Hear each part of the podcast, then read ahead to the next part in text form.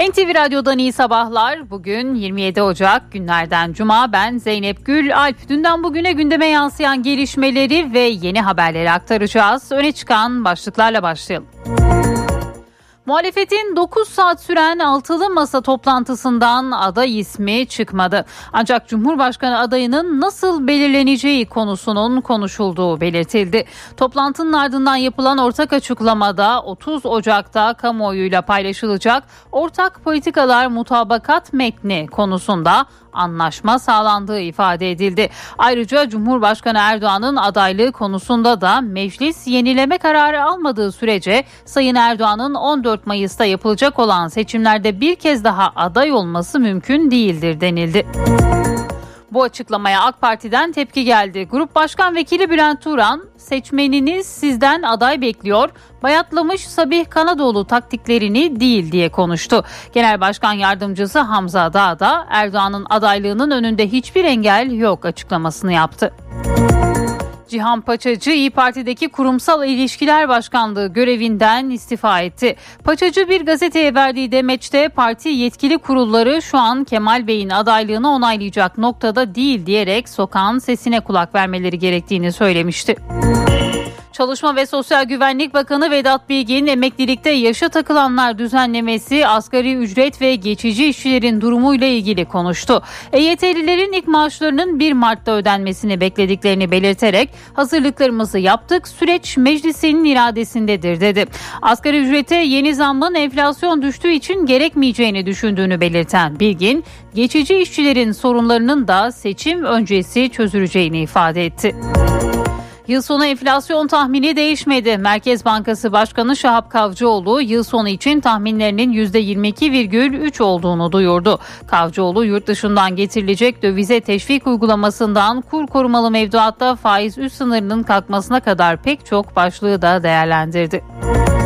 Amerika, Somali'de düzenlenen operasyonda terör örgütü DAEŞ'in üst düzey isimlerinden Bilal El Sudani ile 10 örgüt üyesinin öldürüldüğünü duyurdu. Baskının planlanmasının aylarca sürdüğünü belirten yetkililer, Pentagon'un geçen hafta bilgilendirdiği Başkan Joe Biden'ın da bu hafta başında operasyona onay verdiğini aktardı. Amerikan Hazine Bakanlığı Rus askeri şirketi Wagner grubunu uluslararası suç örgütü listesine aldı. Şirketle bağlantılı 8 kişi, 16 kuruluş ve 4 uçağa yaptırım uygulanacağı belirtilirken söz konusu kararla Ukrayna'daki savaşı destekleyen altyapının hedef alındığı belirtildi. Denizli Pamukkale'de bir evde 2 yaşındaki bir çocuk ölü bulundu. Evdeki biri 9 aylık, diğeri 5 yaşındaki iki çocuk da koruma altına alındı. Çocuğun annesi ve erkek arkadaşı olduğu öne sürülen kişi aranıyor.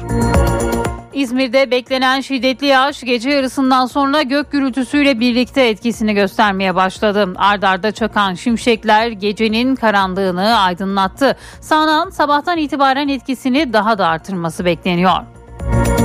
İstanbul Pendik'te gece cam fabrikasında çıkan yangın bölge itfaiyesini alarma geçirdi. Alevler yaklaşık 2 saatte kontrol altına alındı. Can kaybı ya da yaralanan yok ancak binanın büyük bir kısmı yandı. İstanbul'da usulsüz şakar ve siren kullanan sürücülere yönelik denetimler yapıldı. Denetimlerde yaklaşık 16 milyon lira para cezası kesildi. 3 araç 15 gün süreyle trafikten men edildi. 3 scooter firması İstanbul'dan çekildi. İstanbul Büyükşehir Belediyesi UKOME toplantısında 3 firmaya ait e-scooter izinlerinin iptal edilmesi teklifi oy birliğiyle kabul edildi. Bu kapsamda toplam 8234 scooter'ı bulunan 3 firma kendi isteğiyle piyasadan çekilmiş oldu. Gündemi özetledik, devam ediyoruz.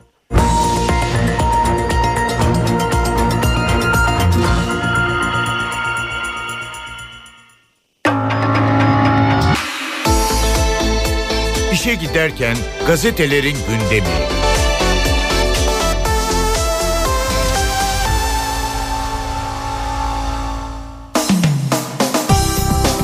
Sabah gazetesiyle başlayalım. İşte FETÖ'nün din bozguncusu manşetini atıyor Sabah gazetesi bugün. FETÖ'nün İslam dinini tahrif etmeyi amaçlayan sözde 3 dinli House of One adlı ihanet projesinin beyni Celal Fındık Almanya Berlin'de saklanıyor. İçişleri Bakanlığı'nın gri kategoride aradığı fındık FETÖ'nün Vatikan ve Almanya destekli 50 milyon euroluk çok dinli House of One yani Tekev Vakfı'nın mütevelli heyeti üyesi. Fındık FETÖ'nün Almanya sorumlusu Ercan Karakoyun'la birlikte hareket ediyor deniliyor. Bugün Sabah gazetesinin manşetinde Batı medyası yine kin kusuyor güçlü Türkiye hazımsızlığı bir diğer haber.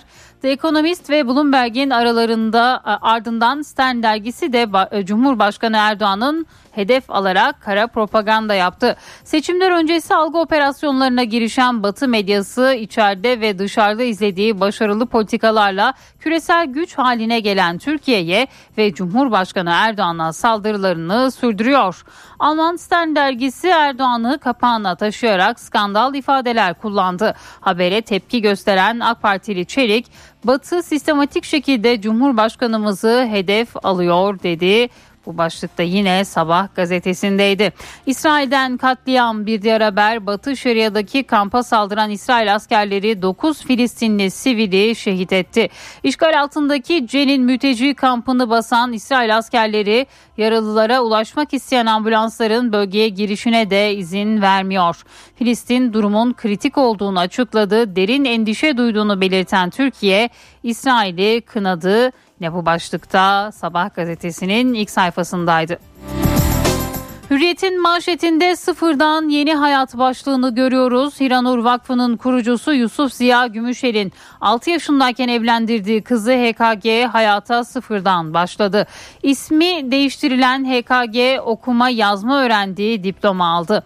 Aile ve Adalet Bakanlarının yetki, bakanlıklarının yetkilileri meclis komisyonuna HKG ve çocuğu için yapılanları anlattı. HKG 2020'de savcıya başvurup yardım istedi. O günden sonra HKG HKG ve 7 yaşındaki çocuğu süresiz korumaya alındı. İkisine yeni isimler verildi. Tüm kimlik bilgileriyle kişisel belgeleri yeniden düzenlendi.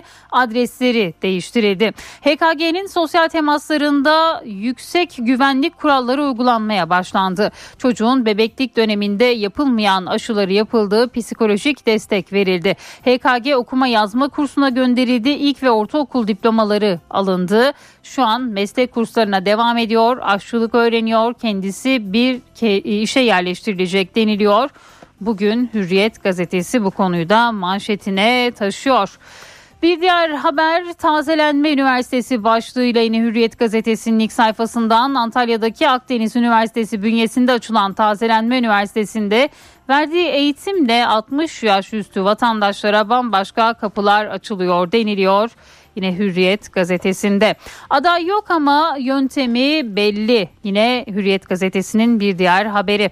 Altılı Masa liderleri 11. kez bir araya geldi. Toplantı sonrası yapılan açıklamada Millet İttifakı'nın Cumhurbaşkanı adayını nasıl seçeceğinin konuşulduğu duyuruldu. Adayı belirlemek için 6 partinin istişare, uzlaşı ve halkın tercihlerini yansıtacak şekilde çalıştığı belirtilen açıklamada halkımız müsterih olsun. 6 parti görevi layıkıyla tamamlayacaktır.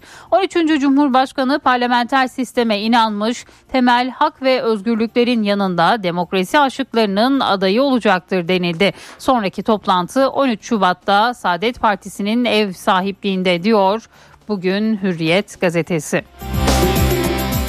Milliyetin manşetinde Suriye petrolünü PKK pazarlıyor. Terör AŞ e, başlığını görüyoruz. Suriye'deki petrol ve doğalgaz sahalarını işgal eden terör örgütü PKK, YPG kurduğu şirketlerle doğal kaynakları pazarlıyor diyor Milliyet bugün.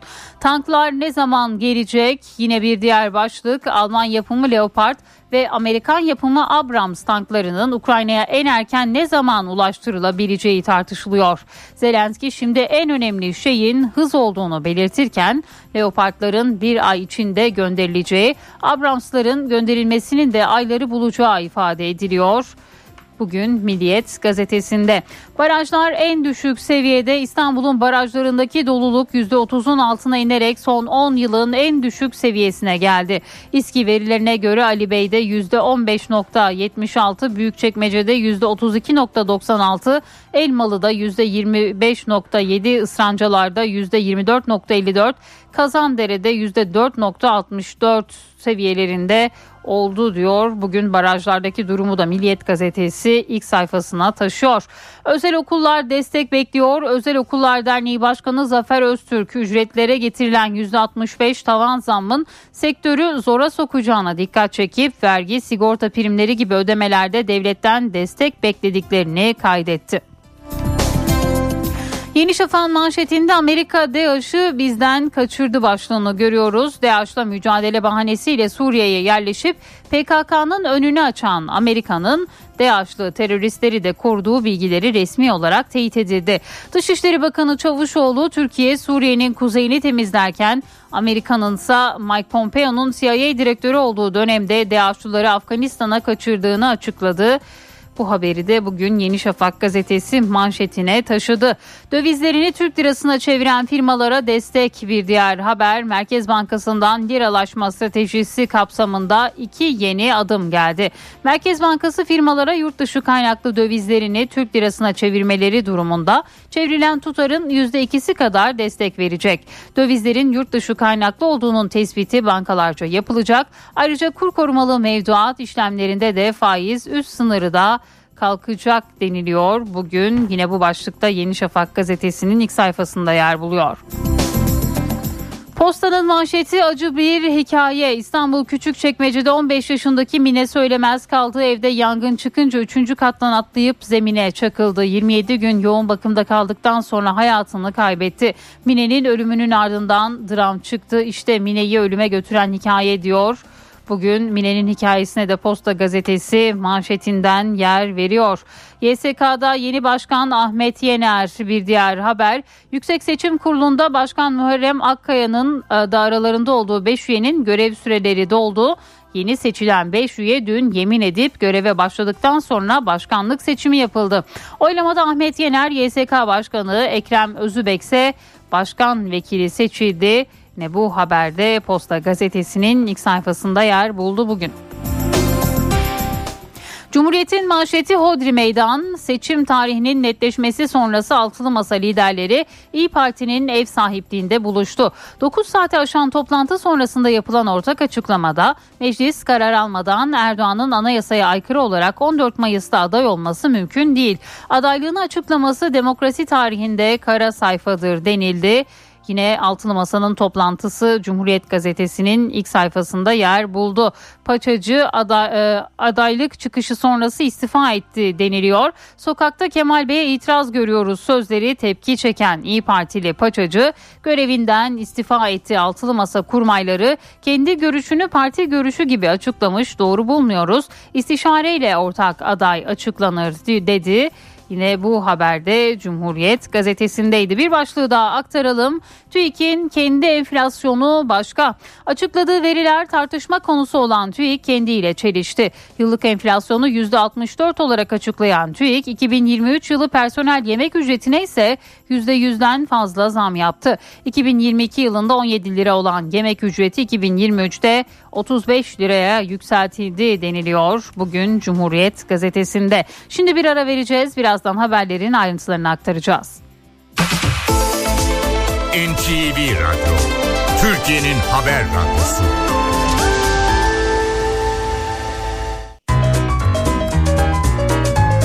Köşedeki Kitapçı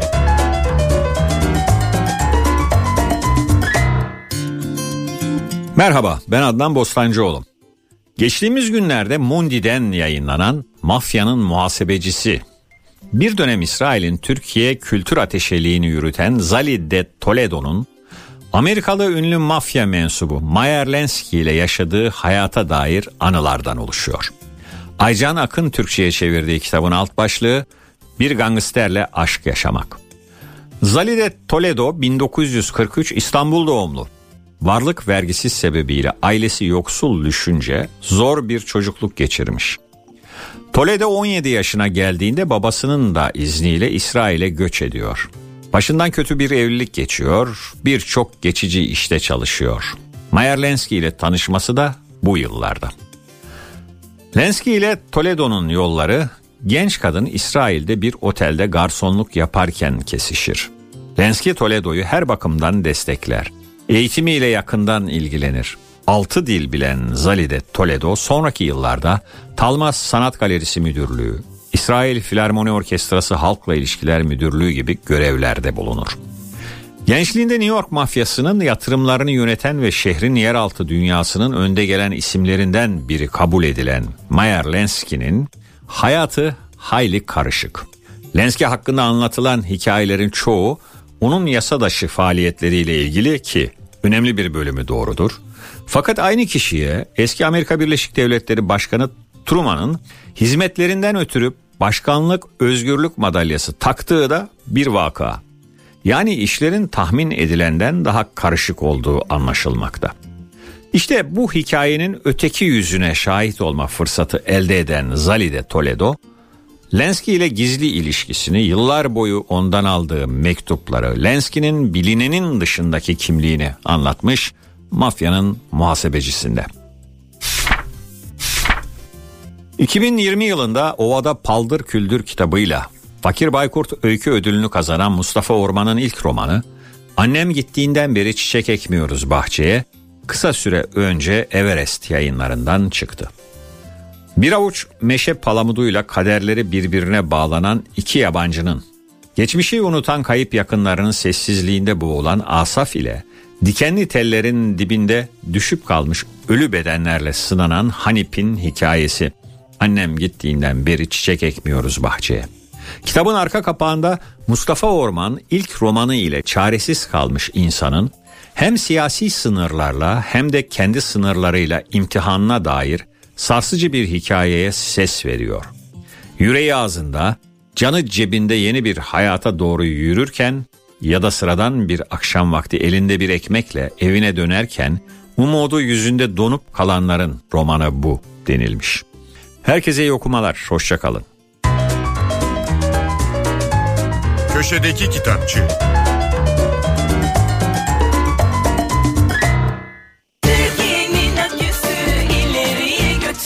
Yiğit Akü yol durumunu sunar.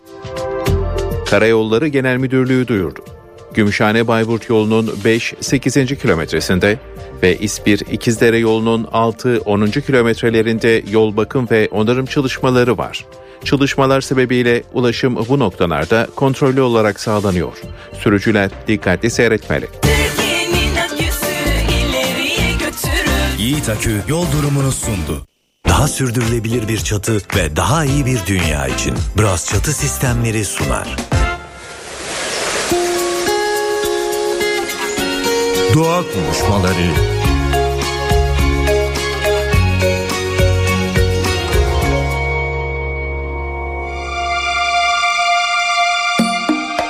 Doçent Doktor Cihan Erdönmez bizimle birlikte İstanbul Üniversitesi Cerrahpaşa Orman Fakültesi öğretim üyesi kendisi. Hoş geldiniz Cihan Bey. Hoş bulduk, merhaba hemen hemen bütün edebi eserlerde doğa bir ölçüde vardı. Ama genellikle genellikle diyorum tabii ki Yaşar Kemal'le benzeyen başka edebiyatçılar da var. Doğa daha çok hani bir tiyatro sahnesindeki dekor gibidir. Ama anlatının, öykünün bir takım kahramanları bir hikaye kurgusu vardır. Ve o kurguda o kahramanlar o dekorun içerisinde severler, sevilirler, savaşırlar, kavga ederler, ihanete uğrarlar. Öykü her neyse o dekorun içerisinde gider. Fakat Yaşar Kemal eserleri bölgelerinde doğanın ve doğanın unsurlarının canlı ve cansız unsurlarının yani bitkiler, hayvanlar, dağ, taş, toprak, su akarsu, göller, göletler öykünün ana kahramanları arasında olduğunu rahatlıkla görebiliyoruz. Burada tabii Yaşar Kemal'in biraz açmak gerekirse nereden geliyor bu Yaşar Kemal'i? Yaşar Kemal çok iyi bir doğa gözlemcisi çocukluğundan itibaren. Bunu da zaten kendisi Yaşar Kemal kendini anlatıyor adlı eserinde. Önce mesela arıları çok gözlemlediğini anlatıyor. Şu bölümü okumak istiyorum izninizle. Onun nasıl bir gözlemci olduğunu anlayabilmek açısından. Bir şey şeye gözümü dikip günlerce durmadan seyretmek benim çocukluk huylarımın başlıcalarındandı. Örneğin eve getirilmiş bir kilimi aylarca bıkmadan, usanmadan seyrettiğimi anımsıyorum. Çocukluğumda demircilerin ocakları, marangozların uğraşları da benim için arı seyretmek gibi bir şey olmuştur. Bu seyretme işim günlerce de sürüyordu. Sanki hiçbir şey yapmadan seyretmeye gelmiştim. Bir de ağzı yukarı yatıp köyün üstünde dönen, türlü türlü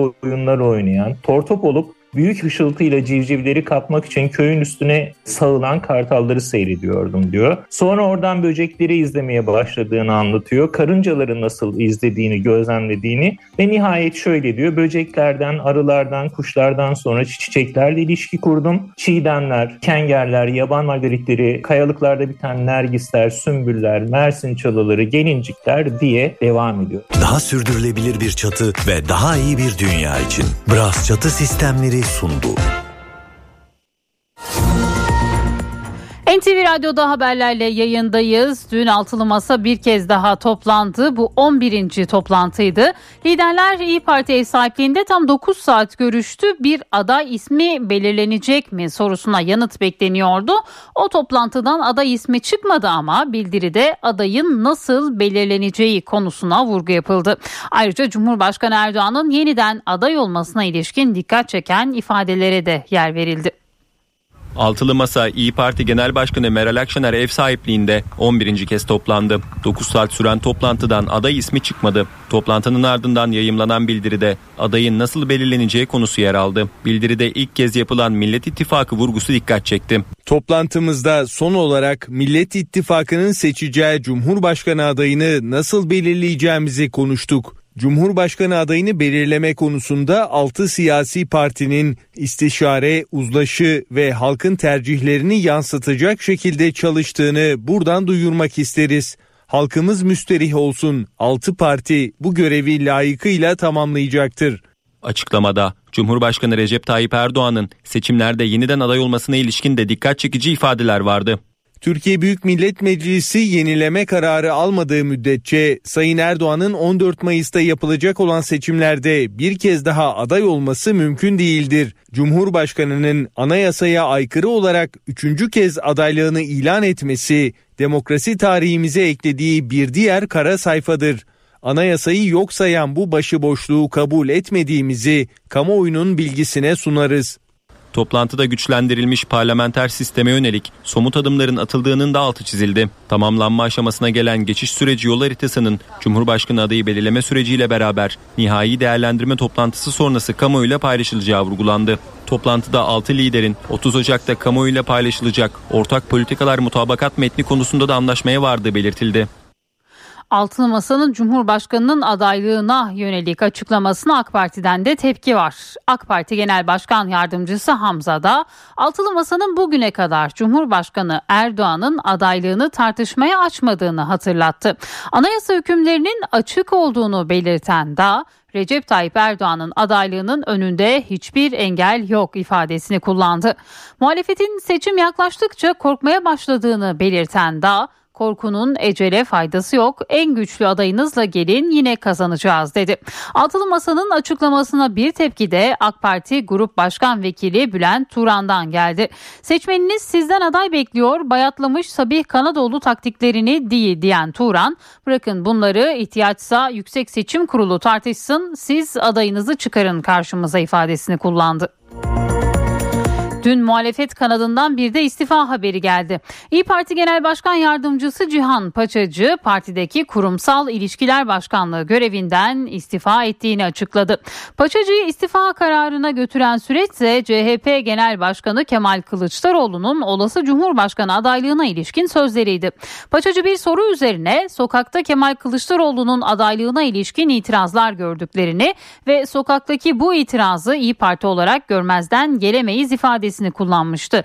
Paçacı'nın istifasına ilişkin bir açıklamayı da İyi Parti sözcüsü Kürşat Zorlu yaptı. Zorlu, Cihan Paçacı'nın açıklamalarının maksadının dışına çıkarılmasıyla birlikte Millet İttifakı'nın iradesine ve birlikteliğine zarar veren bir tartışma alanının ortaya çıktığını söyledi. Ekonomi başlığında da dün Merkez Bankası'ndan önemli açıklamalar geldi. Yıl sonu enflasyon tahmini değişmedi. Merkez Bankası Başkanı Şahap Kavcıoğlu yıl sonu için tahminlerinin %22,3 olduğunu duyurdu. Kavcıoğlu yurt dışından getirilecek dövize teşvik uygulamasından kur korumalı mevduatta faiz üst sınırının kalkmasına kadar pek çok başlığı da değerlendirdi. Tahminlerimizde herhangi bir değişikliğe gitmeyerek 2023 yıl sonu tahminimizi %22,3, 2024 yıl sonu tahminimizi de %8,8'de sabit tuttuk. Merkez Bankası Başkanı Şahap Kavcıoğlu yılın ilk enflasyon raporunu açıkladı. Yıl sonu enflasyon tahmini değişmedi. Başkan Kavcıoğlu hesaplamalara seçim öncesi yaşanabilecek parasal genişlemeyi de dahil ettiklerini bildirdi. Fiyatlama davranışlarında ve enflasyon beklentilerinde gözlenen iyileşmenin politikalarımız çerçevesinde aldığımız kararların belirgeçen katkısıyla birlikte önceki enflasyon tahminlerimizle uyumlu olarak önümüzdeki dönemde de devam edeceğini öngörüyoruz. Kavcıoğlu yurt dışından döviz getirene sağlanacak destek uygulamasını da değerlendirdi. Bu yurt dışına hizmet veren sektörlerin paralarının daha hızlı şekilde Türkiye'ye gelmesi için bir teşvik dedi. Kavcıoğlu talebin sektörlerden geldiğini de söyledi. Merkez Bankası'nın taraf olduğu kur korumalı mevduat hesaplarında faiz üst sınırı kaldırıldı. Kavcıoğlu bu düzenlemenin yapılmasına ihtiyaç duyulduğunu belirtti. Normal mevduata bir baskı oluşturmaması için e, bu düzenlemeyi e, yapma ihtiyacı duyduk. E, dolayısıyla bankacılık sektöründen gelen bir talepti. Biz de makul bulduk ve e, dün o kararımızı bankalara bildirdik. Kavcıoğlu enerjide ithalat borcunun ertelendiği iddialarına 2022'de enerji ithalatının parasını ödedik borcumuz yok yanıtını verdi. Merkez Bankası Başkanı faiz indirilip indirilmeyeceği konusunda kararlarımızı gelişmelere göre vereceğiz ifadesini kullandı. Gözler bir taraftan da EYT'de uzun zamandır beklenen emeklilikte yaşa takılanlarla ilgili düzenleme de artık son aşamaya geçildi. AK Parti grubunda imzaya açılmıştı teklif. Şimdi son şekli verilmeye çalışılıyor. Teklifin üzerinde yoğun mesai harcayan AK Partili kurmaylar düzenlemenin kısa süre içerisinde meclis başkanlığına sunulacağını söylüyor. CHP Grup Başkan Vekili Engin Altay da AK Parti'ye çağrı yaptı. Teklifin bir an önce meclis başkanlığına sunulmasını istedi. Milyonlarca kişinin uzun zamandır beklediği emeklilikte yaşa takılanlarla ilgili yasa teklifinde sona gelindi. Mecliste AK Partili yetkililer bürokratlarla son toplantıyı yaptı. AK Parti grubunda milletvekillerinin imzasına açılan düzenlemenin kısa süre içinde meclis başkanına sunulacağı bildirildi. Muhalefetten de teklif hemen meclise sunulsun çağrısı geldi. Cumhuriyet Halk Partisi hazır. Söz verdik. Kem küm yok, orası burası yok. Vatandaşın aleyhine bir şey yoksa, EYT'nin aleyhine bir şey yoksa bu teklifin mecliste bir saat komisyonda bir saat genel kurulda işi var. Teklif meclis başkanına sunulmasının ardından önce Plan Bütçe Komisyonu'nda ele alınacak. Ardından da genel kurul gündemine gelecek. Düzenlemeye göre 8 Eylül 1999 öncesi sigorta girişi olanlar kapsam içinde yer alacak. Düzenlemenin yürürlüğe girmesiyle ilk etapta 2 milyon 207 bin kişi emeklilik hakkına kavuşacak. Prim ve sigortalılık süresini tamamlayanlarla birlikte bu sayı her yıl artacak. EYT'lilerin ilk maaşlarını da Mart ayında almaları bekleniyor. Bir indirim haberiyle devam edelim. Serbest piyasadaki elektrik tavan fiyatı düşürüldü. Açıklama Enerji Piyasası Düzenleme Kurumu'ndan geldi. Karar sanayide kullanılan elektriğe %12 indirim olarak yansıyacak. Sanayide kullanılan elektriğe indirim geliyor. Enerji Piyasası Düzenleme Kurumu elektrikte indirimin tam abone gruplarına kapsayacak şekilde devam etmesini bekledikleri mesajı verdi. Enerji Piyasası Düzenleme Kurumu serbest piyasadaki elektrik tavan fiyatında yılbaşından bu yana ikinci indirimi yaptı. Yılbaşında megawatt saat fiyatını 4800 liradan 4200 liraya indiren EPDK yeni kararıyla tavan fiyatı 3650 liraya çekti. EPDK Başkanı Mustafa Yılmaz kararın serbest piyasada satılan elektrik fiyatı üstünden tüketim yapan sanayi kuruluşları için %12 indirim oluşturmasını beklediklerini söyledi. Yılmaz, indirimin Şubat ayından itibaren geçerli olacağını belirtti. EPDK'nın yılbaşındaki tavan fiyat indirimi de elektrikte sanayi abonelerine %10 ile 15 arasında indirim olarak yansımıştı. EPDK Başkanı Yılmaz, serbest piyasa fiyatlarındaki düşüşün sadece serbest tüketici odaklı düşünülmemesi gerektiğini vurgulayarak, düşüş serinin tüketici gruplarının tarifelerine olumlu yansıyacağına dikkat çekti. TES Başkanı Bendevi Palandöken, sanayi elektriğine indirim kararının ardından bir açıklama yaparak esnafın kullandığı elektrik içinde indirim beklediklerini söyledi. Palandöken, elektrikte uygulanan üçlü tarife sistemine göre en yüksek elektrik faturasını esnaf ve sanatkarların ödediğini söyledi. Artan fiyatlardan dolayı esnaf faturalarını ödemekte güçlük çekiyor diyen falan döken, esnaf da indirim kapsamına alınsın çağrısı yaptı. NTV Radyo Dün de birçok bültenimizde aktarmıştık. Eski Amerikan Dışişleri Bakanı Mike Pompeo'nun anılarını kaleme aldığı bir kitap dün Ankara'nın gündemindeydi. Kitapta Pompeo'nun Türkiye ile ilgili iddialarına Ankara'dan sert yanıtlar geldi. Şimdi hem o iddiaları hem de Ankara'nın yanıtlarını mikrofona taşıyalım. Mike Pompeo bu kitabı sanırım e, başkanlık adaylığının e, kampanyasını e, başlatmak için yazmıştır. Gerçek dışı bilgiler var. Siz buna yalan da diyebilirsiniz. Abartı var ve çifte standart var. Eski Amerika Birleşik Devletleri Dışişleri Bakanı Mike Pompeo'nun kaleme aldığı kitapta yer alan Türkiye ile ilgili iddialara Ankara'dan sert tepki var. Pompeo kitabında Türk Silahlı Kuvvetleri'nin DAEŞ'i yenme kapasitesi olmadığını savundu. Türk ordusunun DAEŞ'i yenme kapasitesinin e, olmadığını gördük demesi e, ibretlik. DAEŞ'e karşı göğüs göğüse mücadele eden tek ordu NATO ordusu e, Türk ordusudur. Pompeo Cumhurbaşkanı Recep Tayyip Erdoğan'ın Ekim 2019 yılında dönemin ABD Başkan Yardımcısı Pence'le Beştepe'de gerçekleştirdiği baş başa görüşmeye katılmak için kapıyı zorladığını da savundu. Erdoğan Pence görüşmesinde izletilen 15 Temmuz darbe girişimi videosu içinde uzun ve iğrençti ifadesini kullandı. İddialara o görüşmede bulunan Dışişleri Bakanı Mevlüt Çavuşoğlu tepki gösterdi. Cumhurbaşkanımızla Pence arasında da ilk başta heyetler arası görüşmeden önce bir baş başa görüşme gerçekleştirildi. Sürenin uzamasından rahatsız olduğunu gördük. Bize ihtiyaç duydukları zaman kendileri bizi çağırır. Liderler içeri çağırmadan gitmenin doğru olmadığını söyledim kendisine uyardım. O iğrenç dediği videodaki görüntüleri biz yaşadık. O gece daha sonra sildiği bir tweet var darbe girişimini e, desteklemiştir. Pompeo'nun bir diğer iddiası ise ABD'nin YPG-PYD destek verme kararı nedeniyle Cumhurbaşkanlığı Sözcüsü İbrahim Kalın ve MİT Başkanı Hakan Fidan'ın görüşme odasını sinirle terk ettiği. Hürriyet gazetesine konuşan Kalın, Pompeo yaşananları çarpıtarak anlatıyor dedi. Onlara açık bir şekilde ABD'nin YPG-PYD politikasının çok yanlış olduğunu söyledik. Bizim öfkelendiğimizi yazmış. Biz orada net tavrımızı sergiledik. Öfke dediği şey net tavrımızdı. ABD, Rusya ve İran'a karşı ellerinin altında bir güç olsun istedi. Pompeo'nun Yunanistan'la ilişkileri geliştirmekten gurur duyduğuna ilişkin sözlerini de değerlendiren Kalın, Amerikan yönetiminin Yunan tarafını tuttuğunu biliyorduk. Bunu itiraf etmiş ve kayda geçirmiş oldu dedi. Amerika Birleşik Devletleri Somali'de terör örgütü DAEŞ'in üst düzey isimlerinden Bilal El Sudani'nin öldürüldüğünü duyurdu.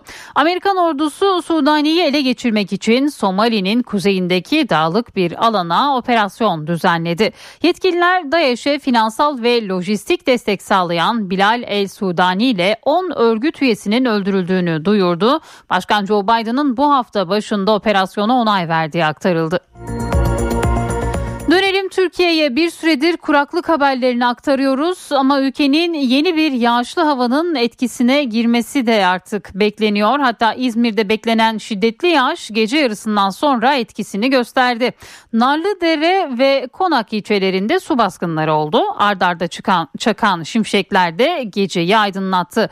9 Eylül Caddesi'nde kısa süre önce altyapı çalışması yapılan yolun bir kısmı çöktü. Seyir halinde olan bir polis aracının lastiği yolun çöken kısmına düştü. Polis memurları kendi imkanlarıyla aracı çıkarmaya çalıştı. Konak ilçesinde de Eşref Paşa Caddesi göle döndü. Bazı ev ve iş yerlerini su bastı. Çeşme'de ise yağışla birlikte gök gürültüsü etkili oldu. İstanbul Eyüp Sultan'da bir daireden kötü kokular geldiği ihbarı üzerine eve giden polis ekipleri bakımsız bırakılan yaşları küçük 3 çocukla karşılaştı. Çöp evdeki çocuklar Aile ve Sosyal Hizmetler İl Müdürlüğü ekiplerince koruma altına alındı. Evi terk ettikleri öğrenilen anne ve babaysa polis tarafından gözaltına alındı. Polisler eve girdiklerinde karşılaştıkları çöp yığınlarının arasında 3 çocuk buldu. Apartman sakinleri daireden kötü kokular geldiği ve evde yalnız kalan çocukların olduğu iddiasıyla yetkililere ihbarda bulundu. Polis ekipleri kontrol için Aile ve Sosyal Hizmetler İl Müdürlüğü ekipleriyle birlikte daireye gitti. Alt kattaki komşular Evin halini gördük zaten. Çöp gibi yani evin içi çöp gibi. Her yeri çöple kaplı dairede 7, 4 ve 3 yaşında 3 çocuk bulundu. Çocukların kıyafetlerinin olmadığı ve uzun süredir aç kaldıkları tespit edildi. Çocuklar Sultan Gazi Haseki Eğitim ve Araştırma Hastanesi'ne götürüldü. Sağlık durumları iyi olan çocuklar Aile ve Sosyal Hizmetler İl Müdürlüğü'nce koruma altına alındı. Çocukların annesi Merve Sey'nin yaklaşık bir ay önce evi terk ettiği öğrenildi. Baba Ahmet Sey'nin ise eve zaman zaman uğradığı tespit edildi. Polisin gözaltına aldığı anne baba adliyeye sevk edildi. Merve ve Ahmet ise gazetecilerin sorularına tepki gösterdi. Bir şey söyleyecek misiniz?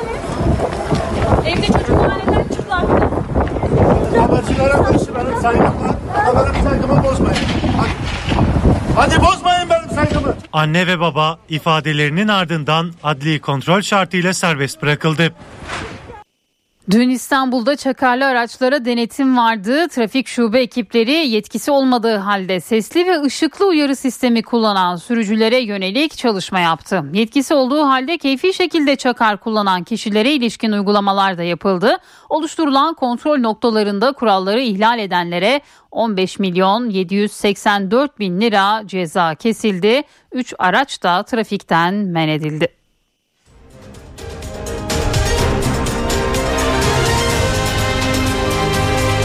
NTV Radyo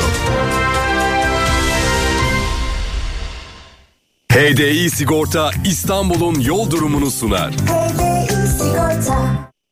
İstanbul'da bu saat itibariyle trafikte yoğunluk %36 seviyelerinde her iki köprüde de yoğunluk var. Anadolu yakasında köprüye giderken Beylerbeyi Çamlıca arasında Tem'de ise Kavacık Ümraniye arasında trafik yoğunluğu gözleniyor. D100'de Göztepe Maltepe arası yoğun. Avrasya Tüneli çift taraflı açık Avrupa yakasına gelindiğinde E5'te Avcılar Gümüşpala Küçükçekmece arasında Tem'de ise Esenyurt iki telli arasında sabah trafiği var. HDI Sigorta İstanbul'un yol durumunu sundu. NTV Radyo Üstün Alman teknolojisiyle üretilen Düfa Boya spor haberlerini sunar.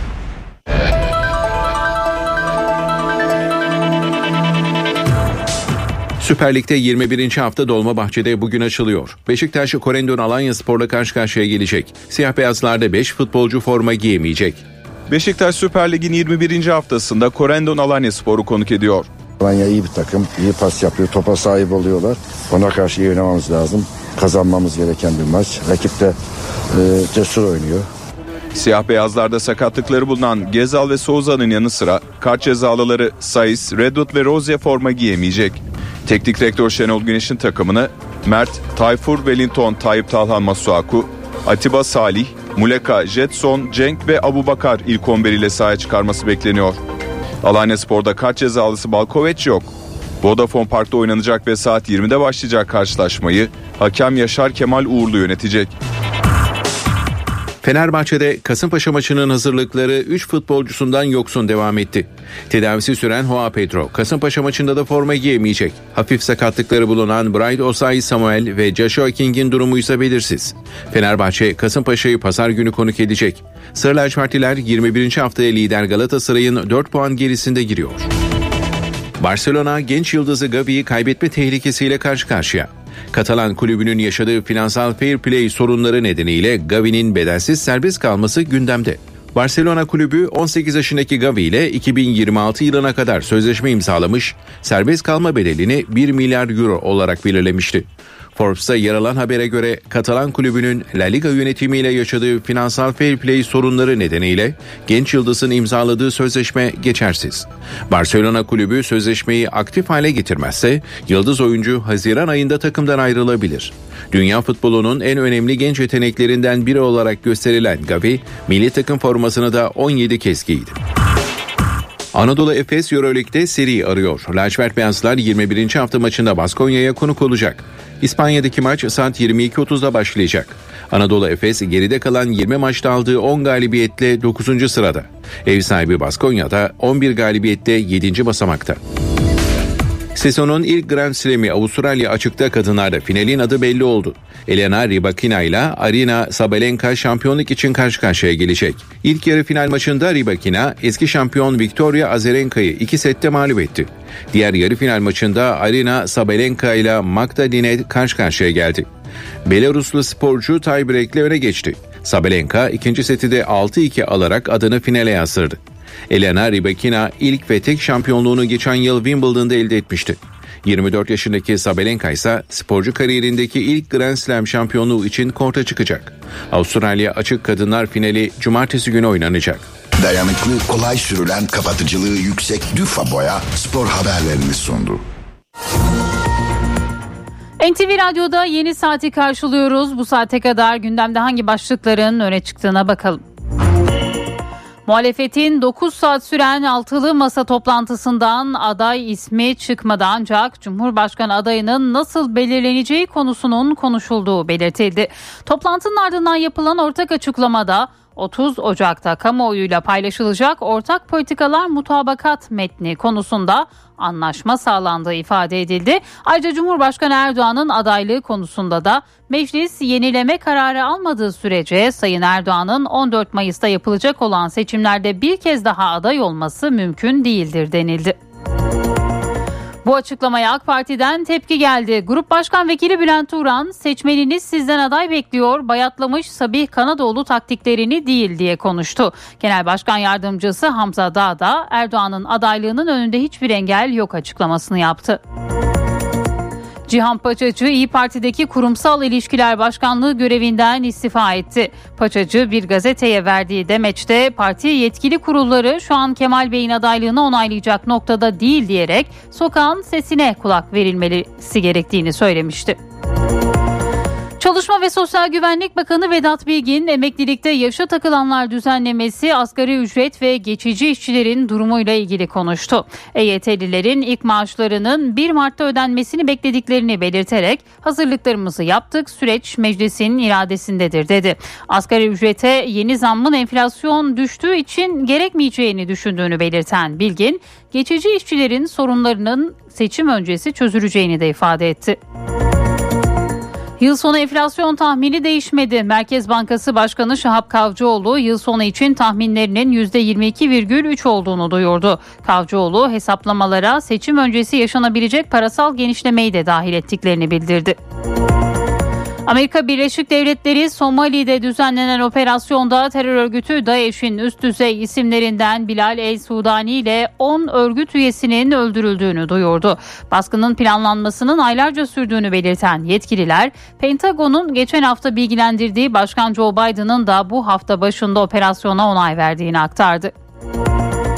Amerikan Hazine Bakanlığı Rus askeri şirketi Wagner grubunu uluslararası suç örgütü listesine aldı. Şirketle bağlantılı 8 kişi 16 kuruluş ve 4 uçağa yaptırım uygulanacağı belirtilirken söz konusu kararla Ukrayna'daki savaşı destekleyen altyapının hedef alındığı belirtildi. Denizli Pamukkale'de bir evde 2 yaşındaki bir çocuk ölü bulundu. Evdeki biri 9 aylık diğeri 5 yaşındaki iki çocuk da koruma altına alındı. Çocuğun annesi ve erkek arkadaşı olduğu öne sürülen kişi aranıyor. İzmir'de beklenen şiddetli yağış gece yarısından sonra gök gürültüsüyle birlikte etkisini göstermeye başladı. Ardarda çakan şimşekler gecenin karanlığını da aydınlattı. Sağnağın sabah saatlerinden itibaren etkisini artırması da bekleniyor. İstanbul Pendik'te gece cam fabrikasında çıkan yangın bölge itfaiyesini alarma geçirdi. Alevler yaklaşık 2 saatte kontrol altına alındı. Can kaybı ya da yaralanan yok ancak binanın büyük bir kısmı yandı. İstanbul'da İstanbul'da usulsüz çakar ve siren kullanan sürücülere yönelik denetimler yapıldı. Denetimlerde yaklaşık 16 milyon lira para cezası kesildi. 3 araç 15 gün süreyle trafikten men edildi. 3 scooter firması İstanbul'dan çekildi. İstanbul Büyükşehir Belediyesi UKOME toplantısında 3 firmaya ait e-scooter izinlerinin iptal edilmesi teklifi oy birliğiyle kabul edildi. Bu kapsamda toplam 8234 scooter'ı bulunan 3 firma kendi isteğiyle piyasadan çekilmiş oldu. Bu sabahın öne çıkan başlıkları böyleydi devam edelim. İşe giderken gazetelerin gündemi.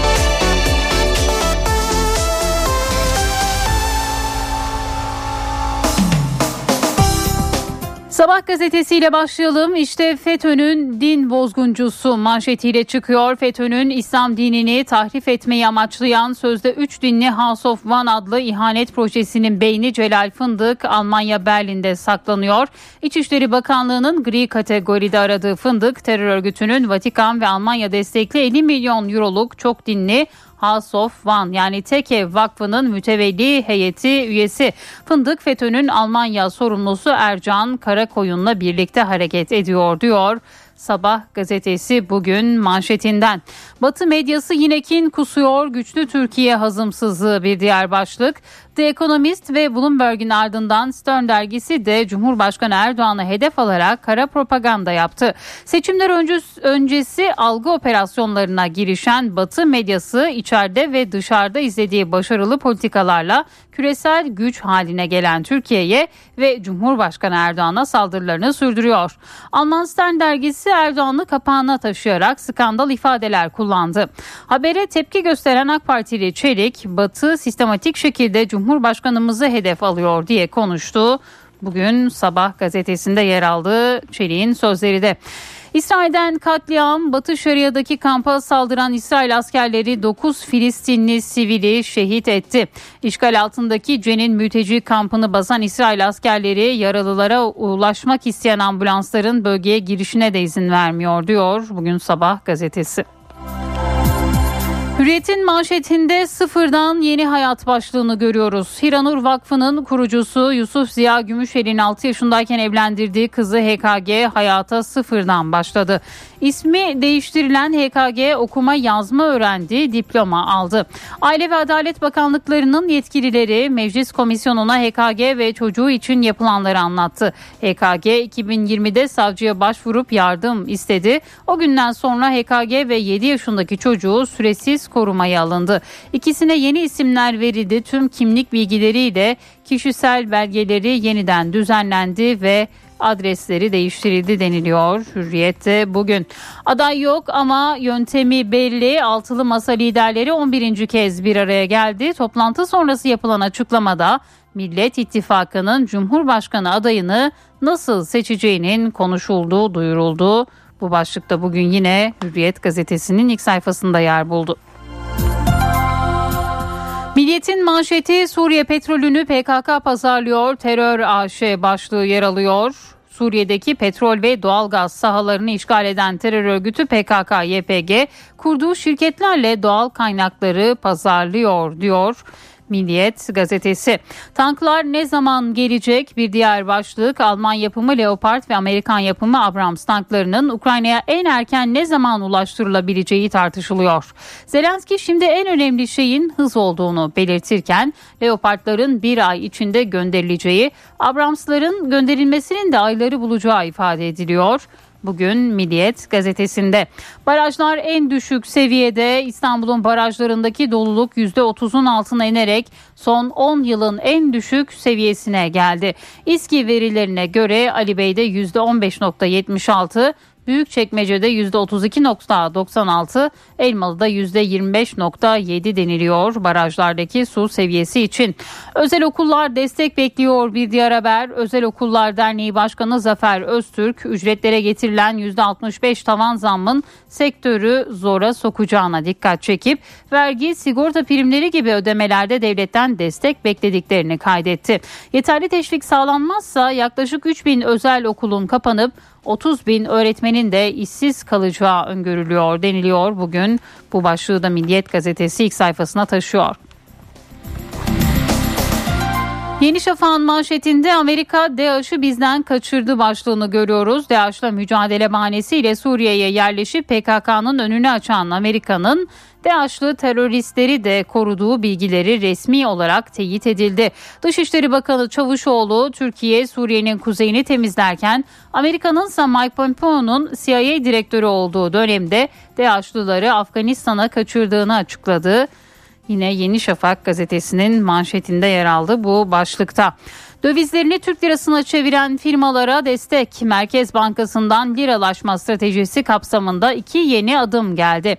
Merkez Bankası firmalara yurt dışı kaynaklı dövizlerini Türk lirasına çevirmeleri durumunda çevrilen tutarın %2'si kadar destek verecek. Dövizlerin yurt dışı kaynaklı olduğunun tespiti bankalarca yapılacak. Ayrıca kur korumalı mevduat işlemlerinde faiz üst sınırı da kaldırıldı deniliyor. Bugün Yeni Şafak gazetesinde yer alıyor bu başlıkta. Posta acı bir hikaye manşetiyle çıkıyor. İstanbul Küçükçekmece'de 15 yaşındaki Mine Söylemez kaldığı evde yangın çıkınca 3. kattan atlayıp zemine çakıldı. 27 gün yoğun bakımda kaldıktan sonra hayatını kaybetti. Mine'nin ölümünün ardından dram çıktı. İşte Mine'yi ölüme götüren hikaye diyor ve Mine'nin hikayesine bugün Posta Gazetesi manşetinden yer veriyor. YSK'da yeni başkan Ahmet Yener yine Posta Gazetesi'nde yer alıyor bu haberde. Cumhuriyet Gazetesi Hodri Meydan manşetiyle çıkıyor. Seçim tarihinin netleşmesi sonrası altılı masa liderleri İyi Parti'nin ev sahipliğinde buluştu. 9 saati aşan toplantı sonrasında yapılan ortak açıklamada meclis karar almadan Erdoğan'ın anayasaya aykırı olarak 14 Mayıs'ta aday olması mümkün değil. Adaylığını açıklaması demokrasi tarihinde kara sayfadır denildi. Bu başlıkta Cumhuriyet'in ilk sayfasında yer aldı. TÜİK'in kendi enflasyonu başka bir diğer haber açıkladığı verileri tartışma konusu olan TÜİK kendiyle çelişti. Yıllık enflasyonu %64 olarak açıklayan TÜİK 2023 yılı personel yemek ücretine ise %100'den fazla zam yaptı. 2022 yılında 17 lira olan yemek ücreti 2023'te 35 liraya yükseltildi deniliyor. Bugün Cumhuriyet gazetesinde yer alıyor bu haberde. Akustik taş yünü asma tavan sistemleri Tromer sunar. Profesör Murat Ferman'la evdeki hesap. Günaydın Sayın Ferman mikrofon sizde. Zeynep Gül Hanım günaydın. İyi bir gün, iyi yayınlar diliyorum. Dünkü ekonomik gündemin birinci maddesini hiç şüphesiz Türkiye Cumhuriyet Merkez Bankası'nın yılın birinci enflasyon raporu oluşturuyordu. Bu çerçevede bilindiği üzere enflasyon raporu senede her çeyreğe ait olmak üzere dört kez paylaşılıyor ve temel görevi fiyat istikrarını sağlamak olan Türkiye Cumhuriyet Merkez Bankası'nın piyasayı genel okuması, dünyadaki ve Türkiye'deki gelişmeleri değerlendirmesi, orta vadeli program hedeflerini yeniden güncellemesi ve para politikalarına ait ipuçlarını veya öngörülerini paylaşması anlamını taşıyor. Dünkü konuşma ve takdim elbette Cumhuriyet Merkez Bankası Başkanı tarafından gerçekleştirildi. Genel geçer bir ifadeyle Batı cephesinde yeni bir şey yok. Başkan yeni bir duruş, yeni bir vaziyet edişe dair ipuçları vermedi. Ve e, enteresan bir şekilde enflasyonla ilgili e, önceki yani geçen e, açıklamalar çerçevesinde e, aynı hedefler korundu e, açık ve net ifade edelim e, iyimserlik dozu yüksek bir e, beklenti buketiyle kamuoyunun karşısına çıkıldığını görüyoruz. Nitekim hemen her e, sunumda olduğu gibi ilk önce e, küresel ve e, yurt içi gelişmelere yer verildi. Sonra para politikalarıyla ilgili temel tercihlerden bahsedildi. Burada da yeni bir cephede yeni bir gelişme yok. Sonra da orta vadeli enflasyon hedeflerinden bahsedildi ki Burada işte gene e, önemli bir gelişme olmadığını görüyoruz. Birkaç satır başını isterseniz aktararak devam edelim.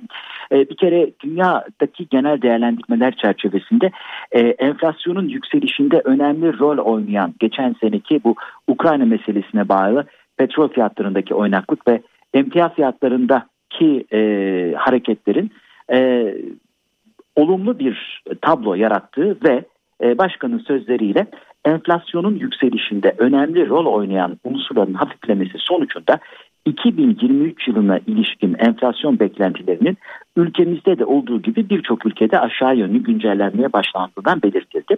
Enteresan noktalardan bir tanesi çekirdek enflasyonda da benzer bir aşağı yönlü gidişe dikkat edilmesiydi, işaret edilmesiydi ki e, bu da aritmetik baz etkisinin doğal bir sonucu paralel olarak gerçekleşiyor.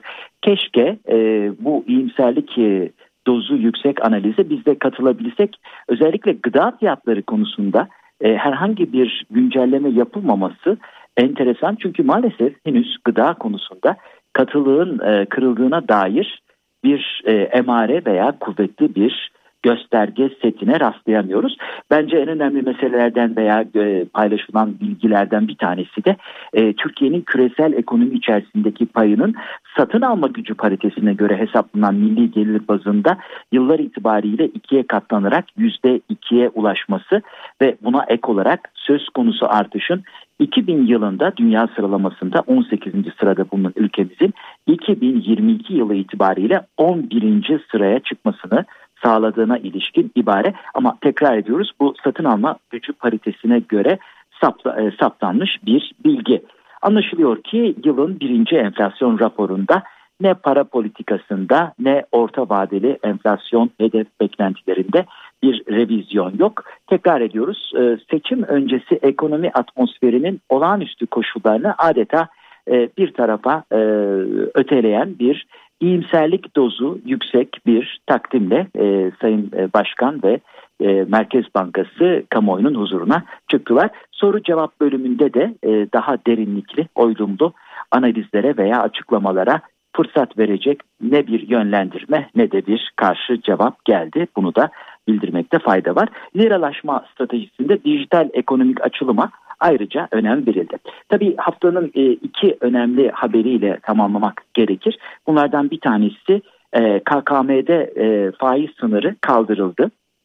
Bankalar bundan sonra herhangi bir faiz sınırına tabi olmadan kur korumalı mevduat faizini saptayabilecekler. Bu da kur korumalı mevduat faizine yeniden ilgi alakayı arttıracak bir motive edici unsur olarak değerlendiriliyor. Bir de ihracatçıya özel fiyat anlamına gelen e, piyasa kurunun %2 üzerinde belirli koşullara bağlı yeni bir düzenleme getirildi.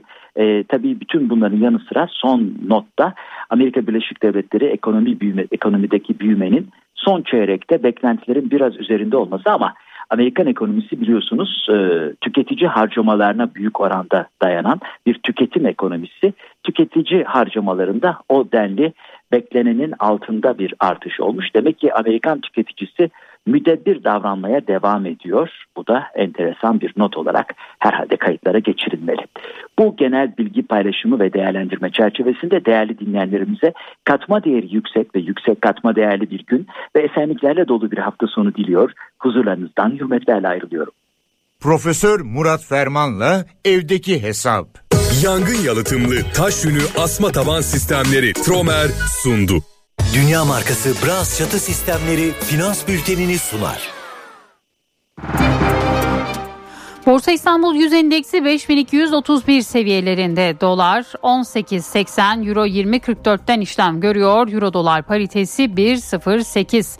Altın nozu 1923 dolar. Kapalı çarşıda gram altın 1165. Çeyrek altın 1925 liradan satılıyor. Brent petrolün varil fiyatı ise 87 dolar. Dünya markası Bras çatı sistemleri finans bültenini sundu. Estetiğin ruhunu duvarlarınıza taşıyan Sandeko Boya hava durumunu sunar. Eşsiz boya, eşsiz mekanlar. Sandeko. Bugün İstanbul'da sağanak yağış bekleniyor. Yağış hafta sonu ara ara sürecek. Sıcaklık 12 derece. İç Anadolu'da önce kuvvetli lodos, akşamsa e, yağış görülecek. Ankara'ya uzun zaman sonra yağmur geliyor. Sıcaklık 10 derece. Ege yağmurun en şiddetli olacağı bölge. İzmir'de Dikili, Foça, merkez ve genelinde şiddetli yağmur su baskınları oluşturabilir. Tedbir alınmalı. Sıcaklık 15 derece olacak bugün. Akdeniz ve Güneydoğu'ya da bu akşam saatlerinde ulaşacak sağanaklar Adana, Kahramanmaraş ve Adıyaman'ın yükseklerine kar olarak düşecek. Yarın da cumartesi günü de e, Diyarbakır dağlarında yoğun kar yağışı bekleniyor. Karadeniz Lodos'la biraz ısınıyor. Doğu Anadolu'da bu gece ve yarın Malatya'dan Hakkari'ye kadar yoğun kar yağışı bekleniyor. Estetiğin ruhunu duvarlarınıza taşıyan Sandeko Boya hava durumunu sundu.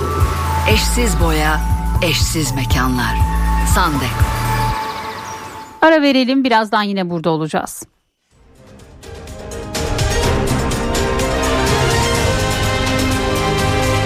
NTV Radyo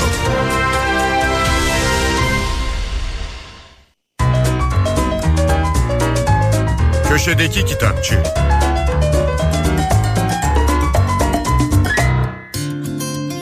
Merhaba ben Adnan Bostancıoğlu. Avrupa tarihine meraklı okurların ilgisini çekecek bir kitap. Anita Prazmowska'nın Polonya Tarihi isimli çalışması Alfa yayınlarından çıktı. Anita Prazmowska London School of Economics'te uluslararası tarih profesörü. Temel araştırma konuları Soğuk Savaş, Komünizm, Faşizm ve Doğu Avrupa tarihi. Prazmowska kitabında Polonya'nın hikayesini ilk yerleşim yerlerinden modern Polonya devletinin ortaya çıkışına, komünizm devrinden Avrupa Birliği ile entegrasyon sürecine dek irdeliyor.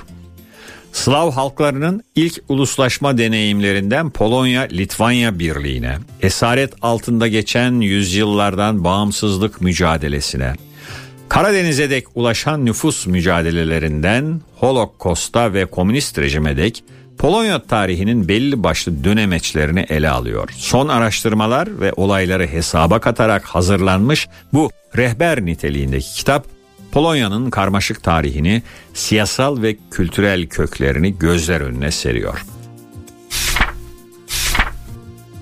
Nobel ödülü sahibi genetikçi ve hücre biyoloğu Paul Nurse'ün Yaşam Nedir? 5 adımda biyolojiyi anlamak isimli kitabı geçtiğimiz günlerde Domingo'dan yayınlandı. Kitabı dilimize şiirsel taş çevirmiş. Paul Nurse kitabında yaşamı biyolog olmayanların da anlayacağı şekilde tanımlamak işine girişmiş.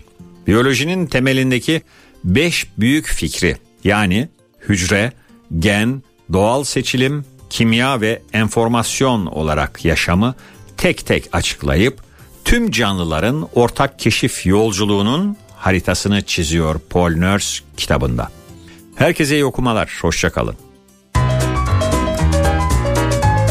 Köşedeki Kitapçı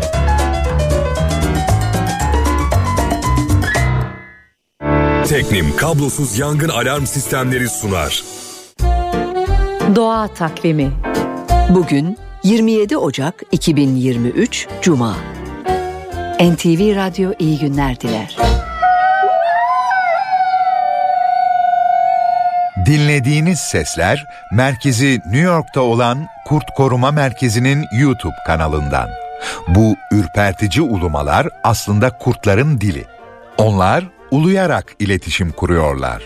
Sınırlarını belli etmek, tehlikeye haber vermek ya da yardım istemek için uluyorlar.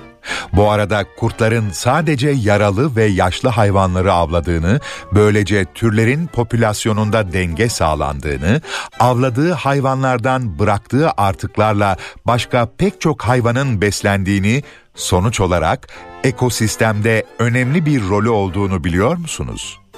Kurtlardan bir not daha. Yeni bir yaşam alanı ve eş bulmak için kilometrelerce yürüyebilirler. Slovenya'da çip takılarak takip edilen Slav isimli kurt eş bulmak için İtalya'ya kadar tam 2000 kilometre gitmiş, Lesinya Milli Parkı'nda eşini bulmuştu. Şimdi iki yavrusu var.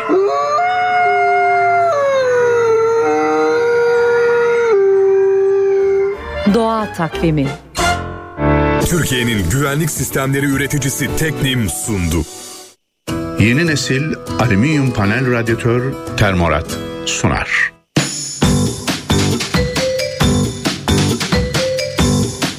Dil Yaresi Hazırlayan ve sunan Levent Dönmez Kağıt, ağız, bağış. Bunlar içinde yumuşak G olan sözcükler. Yumuşak G bir gırtlak sesi. Tek başına söylenmesi de olanaksız. Tek başına o dersiniz, a, ü ama yumuşak G'yi söyleyemezsiniz. Esasen Türkçe'de yumuşak G hiç telaffuz edilmez. Yalnızca nasıl söyleneceği konusunda bir iki basit kuralı bilmemiz yeterlidir. Az önceki sözcüklerin kağıt, ağız, bağış biçiminde söylendiklerini çok duyuyoruz. Örneğin kağıt demek çok zor ama kağıt demek öyle değil. Yani yumuşak G'yi söylemeyip ondan önceki ünlüyü bir değer uzatıyoruz. Ka ardından gelen ı'yı bir değer olarak ardına ekliyoruz. Oluyor kağıt. Kağıt demeye çalışmanın bir anlamı yok ki. Öteki sözcükleri de okuyalım şimdi. Ağız değil, ağız. Bağış değil, bağış. Piyangodan kazandığı ikramiye ile hayır kurumlarına yüklü bir bağış yaptı. Yumuşak G'nin söylenişine başka örnekler de vererek iyice alışalım. Yağış, soğan, doğum, çağdaş, söğüt hep aynı kuralı uyguladık. Ama E ve İ'den oluşan sözcüklerde durum değişiyor. Yumuşak G'yi yerinde Y varmış gibi söylüyoruz. İşte örnekler. Beğeni, eğer, değer, eğik, eğitim, değişim. Yumuşak G'lerin yerine Y geçti. İçinde yumuşak G geçen tüm sözcüklere bu kuralları uygulayabiliriz. Ancak bir yanlış var ki çok yaygın. Di mi diyorlar. Değil mi kırpılmış kırpılmış di mi olmuş. Aslı değil mi ya da değil mi? Konu gerektirdiği için vaktimizi biraz açtık. Bağışlarsınız değil mi? İyi günler. Dil Yaresi hafta içi her gün NTV Radyo'da. Yeni nesil alüminyum panel radyatör termorat sundu. Yiğit Akü yol durumunu sunar. Karayolları Genel Müdürlüğü duyurdu. Kumluca Kemer Antalya yolunun 1-37. kilometrelerinde ve Malatya Sivas yolunun 30-33. kilometrelerinde yol bakım ve onarım çalışmaları yapılıyor. Çalışmalar sebebiyle ulaşım bölünmüş yolun bir bölümünden çift yönlü olarak sağlanıyor. Bu nedenle sürücüler dikkatli seyretmeli. Yiğit Akü yol durumunu sundu. Saat 8.30 oldu. NTV Radyo'da gündemi anlatmaya devam ediyoruz. İzmir'deki son durumla başlayalım. Uyarılar peş peşe gelmişti. İzmir'de beklenen şiddetli yağış gece yarısından sonra etkisini gösterdi. Narlıdere ve Konak ilçelerinde su baskınları oldu. Ard arda çakan şimşekler geceyi aydınlattı. 9 Eylül Caddesi'nde kısa süre önce altyapı çalışması yapılan yolun bir kısmı çöktü. Seyir halinde olan bir polis aracının lastiği yolun çöken kısmına düştü. Polis memurları kendi imkanlarıyla aracı çıkarmaya çalıştı. Konak ilçesinde de Eşrefpaşa Caddesi göle döndü. Bazı ev ve iş yerlerini su bastı. Çeşmede ise yağışla birlikte gök gürültüsü de etkili oldu. Cumhurbaşkanı Erdoğan'ın dün Beştepe'de önemli kabulleri vardı. Erdoğan, Cumhurbaşkanlığı Külliyesi'nde Irak Kürt Bölgesel Yönetimi Başkanı Neçirvan Barzani ile görüştü. Görüşme basına kapalı yapıldı. Erdoğan Gazze'de yaralanan ve Türkiye'de tedavi edilen Filistinli Rahaf'la Muhammed Halil Salman kardeşleri de kabul etti. Filistinli çocuklar 6 Ağustos 2022'de Gazze şeridinin kuzeyine düşen İsrail füzesinden çıkan şarapnel parçalarıyla yaralanmıştı. İki kardeş Erdoğan'ın talimatıyla Sağlık Bakanlığı'nın ambulans uçağıyla Türkiye'ye getirilerek Ankara Şehir Hastanesi'nde tedavi altına alınmıştı. Altılı Masa İyi Parti Genel Başkanı Meral Akşener'in ev sahipliğinde 11. kez bir araya geldi. 9 saat süren toplantıdan aday ismi çıkmadı. Toplantının ardından yayımlanan bildiride adayın nasıl belirleneceği konusu yer aldı. Bildiride ilk kez yapılan Millet İttifakı vurgusu da dikkat çekti. Toplantımızda son olarak Millet İttifakı'nın seçeceği Cumhurbaşkanı adayını nasıl belirleyeceğimizi konuştuk denildi.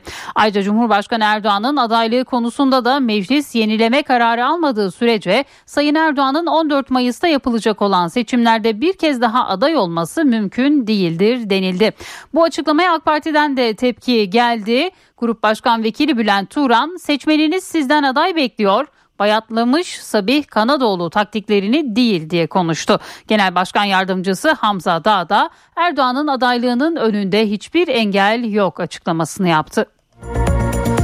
Dün muhalefet kanadından bir de istifa haberi geldi. İyi Parti Genel Başkan Yardımcısı Cihan Paçacı partideki kurumsal ilişkiler başkanlığı görevinden istifa ettiğini açıkladı.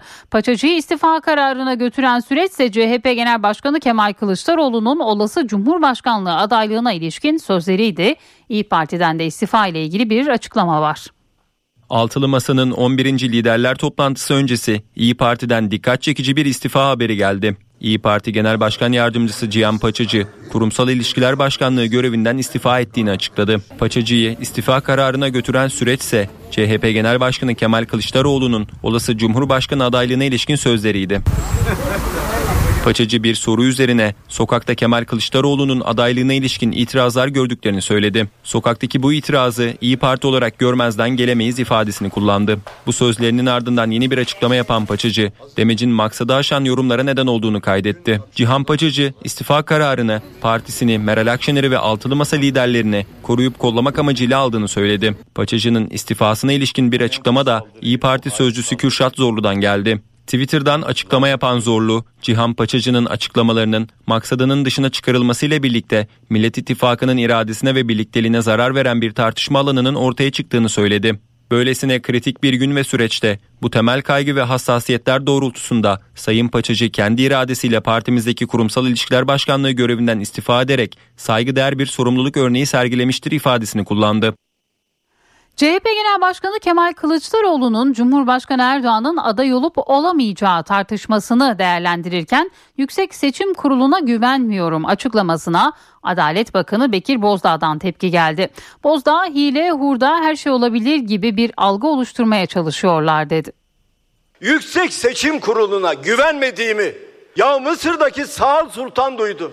CHP Genel Başkanı Kemal Kılıçdaroğlu'nun Cumhurbaşkanı Recep Tayyip Erdoğan'ın aday olup olamayacağı tartışmasını değerlendirirken sarf ettiği bu sözler yeni bir tartışma başlattı. Adalet Bakanı Bekir Bozdağ'dan Kılıçdaroğlu'na tepki var. Cumhurbaşkanının YSK'ya üye ataması yapmadığının altını çizen Bozdağ, Yargıtay ve Danıştay üyelerinin doğrudan seçim yaptığını söyledi. Yüksek Seçim Kurulu Türkiye'nin güven noktasında en güvenilir kurumlarının başında gelir. Hile hurda her şey olabilir gibi bir algı oluşturmaya çalışıyorlar. Seçim kanununa göre seçimlerde hile ve hurda yapılması fiilen imkansızdır. Kim buna mümkün diyorsa ya seçim kanununu bilmiyor ya da şimdiden seçim yenilgisine bahane uydurmak için altyapı oluşturuyordur. Mecliste gazetecilerin sorularını yanıtlayan Bozdağ, CHP ve İyi Parti'nin başörtüsü teklifine bu haliyle destek vermeyeceklerine ilişkin açıklamaları da soruldu. Bozdağ, eğer samimilerse bahaneyi bıraksınlar, genel kurulda destek olsunlar dedi. Adalet Bakanı, Anayasa Mahkemesi'nin HDP'nin kapatma davasında karar ertelensin talebini reddetmesinin doğru bir karar olduğunu da söyledi. Bozdağ, Anayasa Mahkemesi gündemini kendi belirler değerlendirmesinde bulundu. Anayasa Mahkemesi'nin HDP'nin kapatılma davasında yargılamanın seçim sonrasına bırakılması başvurusunu reddetti. Anayasa Mahkemesi dün bu kararda bekleniyordu. HDP geçen hafta Anayasa Mahkemesi'ne başvurarak partinin kapatılması istemli davada sözlü savunma dahil tüm yargılama faaliyetlerinin Cumhurbaşkanı ve milletvekili seçimleri sonrasına ertelenmesini talep etti. Parti ayrıca ek savunma süresi de istedi. Bu talepleri değerlendiren Yüksek Mahkeme kapatma davasının seçim sonrasına bırakılması başvurusunu oy birliğiyle reddetti. Partinin hazine hesaplarına bloke konulmasına ilişkin karara karşı savunmasını hazırlaması için iki aylık ek süre istediği de e, bu, bu ek süre isteği de reddedildi. Partiye 15 gün ek süre verilmesi kararlaştırıldı ve HDP 14 Mart'ta sözlü savunma yapacak. Eski Ülke Ocakları Genel Başkanı Sinan Ateş'in öldürülmesine ilişkin soruşturmada yeni gelişmeler var. Dün iki kişi daha tutuklandı. Ayrıca cinayete ilişkin Milliyetçi Hareket Partisi'nden de açıklama geldi. Eski Ülke Ocakları Genel Başkanı Sinan Ateş'in öldürülmesine ilişkin soruşturmada iki kişi daha tutuklandı. Soruşturma kapsamında çarşamba günü Tolga Hande, Emre Y ve Serdar Ö gözaltına alınmıştı. Adliyeye sevk edilen Tolga Hande ve Emre Y tutuklanarak cezaevine gönderildi. Böylece tutuklu sayısı 17'ye yükseldi. Cinayeti azmettirmekle suçlanan Doğukan Çepin avukatı Serdar Öğün'ün ise emniyetteki işlemleri sürüyor. Sinan Ateş cinayetine ilişkin Milliyetçi Hareket Partisi'nden de açıklama geldi. Yazılı bir açıklama yapan MHP Genel Başkan Yardımcısı Semih Yalçın, cinayet üzerinden duygu istismarına tevessül edilerek aleyhimizde çirkin kampanyalar yürütülmektedir dedi. Menfur bir suikast üzerinden siyasi çıkar elde etme çabasındaki izansızlar, zan altında bıraktıkları masum ve suçsuz insanların ailelerini ve çocuklarının duygularını bile göz ardı etmektedir. Aleyhimizde kötülük ve iftira üretenler yenilgiye, hezimete uğratılacaktır. MHP camiası ülkenin üzerine örtülmeye çalışılan kara bulutları dağıtmaya da, dava arkadaşlarımızın sırtına yapıştırılmak istenen yaftaları yırtıp atmaya da muktedirdir. Eski Ülke Ocakları Başkanı Sinan Ateş, Ankara'nın Çukurambar semtinde motosikletli iki kişinin açtığı ateş sonucu hayatını kaybetmişti. NTV Radyo Geçen yıldan bu yana fiyatı en çok artan ürünlerden biri süt. Çiğ süt fiyatı bir kez daha zamlandı. Tabii ki bu durum süt ürünlerinin fiyatını da artırdı. Piyasada süt ürünlerine yapılan son zam %20 oranında. Sene başından beri durmadan zam getiriyorlar. Kara borsa gibi bir aldığın malı bir daha geri koyamıyorsun. İstanbul'da semt pazarlarında kilosu 17 liraya satılan sütün yeni fiyatı 21 lira oldu. Yani serbest piyasada süte %20'nin üzerinde zam yapıldı. Ülkede bir süt yokluğu var. İnsanlar maliyetinin altına ürün satmak istemediği için ineklerini kestirdiler. İnekler kesildiği için haliyle ülkede bir süt açığı oldu. Ondan dolayı bir süte de bir zam geldi. Ulusal Süt Konseyi en son Ekim ayında sütün litre fiyatını 8,5 lira olarak belirledi. Ama piyasada bu rakamın üzerinde satılıyor. Bazı üreticiler artan maliyetleri karşılamayınca inekleri kesime gönderdi. Üretilen süt miktarı azalınca da fiyatlar arttı. Süte yapılan zam peynir fiyatlarını da olumsuz etkiledi. Raflardaki ürünlerin etiketleri değişti. Süte gelen zamdan dolayı illaki peynir fiyatlarına da bir yansıma oldu. Kaşar grubunda hızlı üretilip ve piyasaya hızlı süren ürünlerde illaki bir zam geçişi oldu. Kaçtı kaç oldu? E Yani yüzde bir 15'lik bir fark oldu. 65-70 en uygun peynirdi. Şu anda Geçen sene. Evet. Şu anda en uygun peynir 140 lira. Vatandaş zamlardan şikayetçi. Fark etmememizin imkanı var mı? Önceden her hafta hani beşer beşer alıyorduk. Şimdi artık aralıklarla böyle ara vere vere almaya başladık. Yani çok pahalı bütçemizi baya baya zorluyor. Ocak ayı ile birlikte aidatlar yeniden belirlendi. Özellikle pek çok sitede protesto gösterileri düzenlendi. Aidatlardaki fahiş zamlarsa taşınma hareketliliğini artırdı.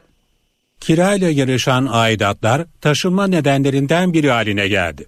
Ocak ayı ile birlikte sitelerde aidatlar yeniden belirlendi. Pek çok sitede aidat zammı birkaç katı buldu. Buna karşı protesto gösterileri düzenlendi. Merkezi semtlerde ya da lüks sitelerde oturanlar çözümü semt ya da konut değiştirmekte aramaya başladı. Çok önemli bir kriteri var ki hane halklarının %46.4'ü aslında asansörü bulunan 3 veya daha çok katlı binalarda oturuyor. Bu e, aidatlardaki artış e, barınma amacıyla bu tür yapılarda özellikle toplu yapılardaki yaşamı önemli derecede etkiliyor. O nedenle belki de müstakil e, yani büyük e, sitelerden daha ziyade farklı yaşam alanlarına da talep olabilir. Uzmanlara göre yüksek aidatlar nedeniyle taşınmak isteyenler şehrin dış kısımlarını tercih ediyor.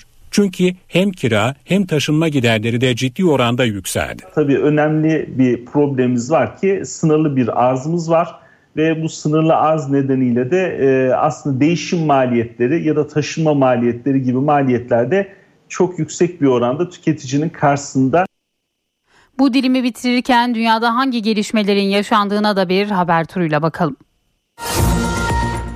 Ukrayna'nın başkenti Kiev dün sabah yeni bir bombardımana uyandı. Rusya Kiev'i füzelerle hedef aldı. Saldırı batılı ülkelerin tank gönderme kararının ardından geldi. 11 kişi hayatını kaybetti.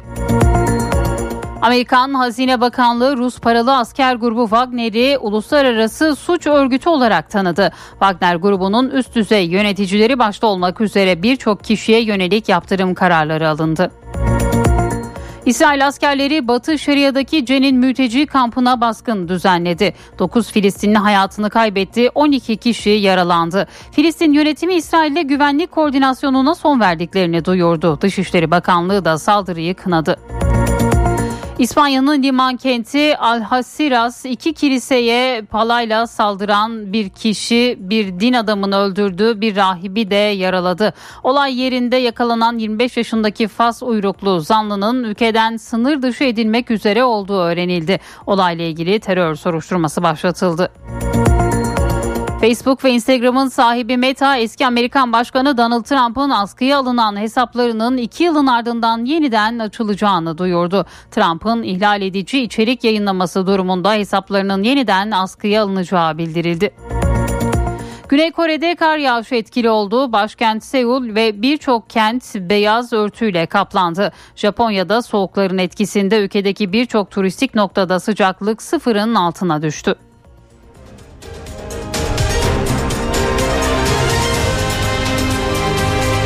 NTV Radyo HDI Sigorta İstanbul'un yol durumunu sunar. İstanbul'da bu saat itibariyle trafikte yoğunluk %45 seviyelerinde. Her iki köprüde de yoğunluk var. Anadolu yakasında köprüye giderken Beylerbeyi Çamlıca arasında. Tem'de ise Kavacık Ümraniye arasında trafik yoğunluğu gözleniyor. D100'de Göztepe Maltepe arası yoğun. Avrasya Tüneli çift taraflı açık. Avrupa yakasına gelindiğinde Beşli Avcılar'dan Tem'de ise Esenyurt'tan şehre doğru giden bir yoğunluk söz konusu. HDI Sigorta İstanbul'un yol durumunu sundu. Sigorta